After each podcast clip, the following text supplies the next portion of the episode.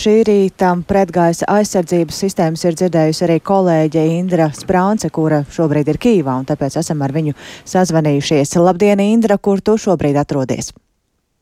Jā, labdien, esmu Kīvas centrā, un jā, patiešām no rīta sanāca tā, ka bija zils tajā brīdī, kad, kad um, arī noskanēja šis pirmais ļoti spēcīgais sprādziens, un viņš bija patiešām ļoti labi dzirdams, bet nebija redzams, kas nozīmē, ka nemaz tik tuvu arī neatrados. Un, Un jāsaka, ka tās situācija ir ļoti dažāda zilām, kā cilvēki reaģēja. Daži kā skrēja un meklēja, kur patvērties, citi turpināja savas dienas gaitas un, un tāda, tāda kopēja atmosfēra arī tobrīd pilsētā bija, nu, patiešām redzam, ka viena sabiedrības jau ir, laikam, acīm redzot, mazliet pieraduši pie šī visa kas notiek ļoti bieži šie uzbrukumi, un uh, savukārt ir arī tādi ļoti apzinīgi cilvēki, kas tomēr ievēro amatpersonu aicinājumus un dodās uz papētnēm.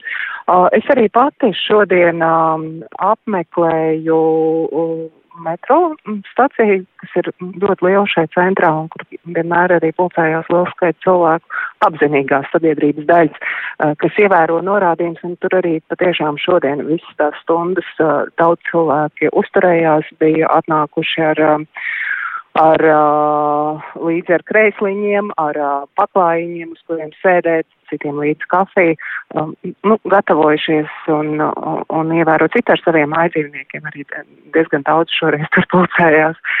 Tā kā, bet kopumā atmosfēra mierīga, um, nu, cilvēki, um, nu, nav nekāda stresa, kaut kāds liela satraukuma lielāka kā parasti. Uh, Um, es arī runāju ar kundzēm, kuras uh, sacīja, nu, ka viņas um, nu, neuzskata, ka arī šī te metro vieta būtu tā drošākā, bet nu, tas ir vienīgais, kas ir pieejams pilsētā. Un, un uh, viņi izmanto uh, šīs iespējas. Jā, tātad, to... jā Indri, mēs varam arī šajā brīdī paklausīties uh, nelielu fragmentiņu no iedzīvotājiem.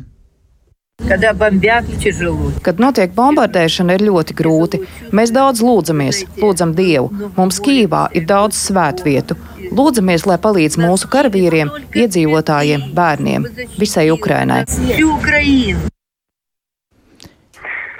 Jā, un, protams, jau cilvēki nāk uz šīm patvērtnēm tad, kad ir informācija par to, ka ir reāli uzbrukumi, jo, nu, nevienmēr netiek, netiek atrast sirēnas, viņi tā rīkojās, jo ļoti bieži ir tā, ka ir šīs sirēnas, ir, ir kaut kādas kustības, kas liecina, ka varētu būt šie uzbrukumi, bet realitātē viņi nenotiek, un tad cilvēki patiešām seko līdzi, vai, vai ir reālais uzbrukums, un, un tad, kad cenšas doties uz šīm patvērtnēm. Un cik ilgi trauksme šorīt turpinājās un kā vispār vai pēdējā laikā bieži ir šādas uh, brīdinājuma trauksmes par uzlidojumiem?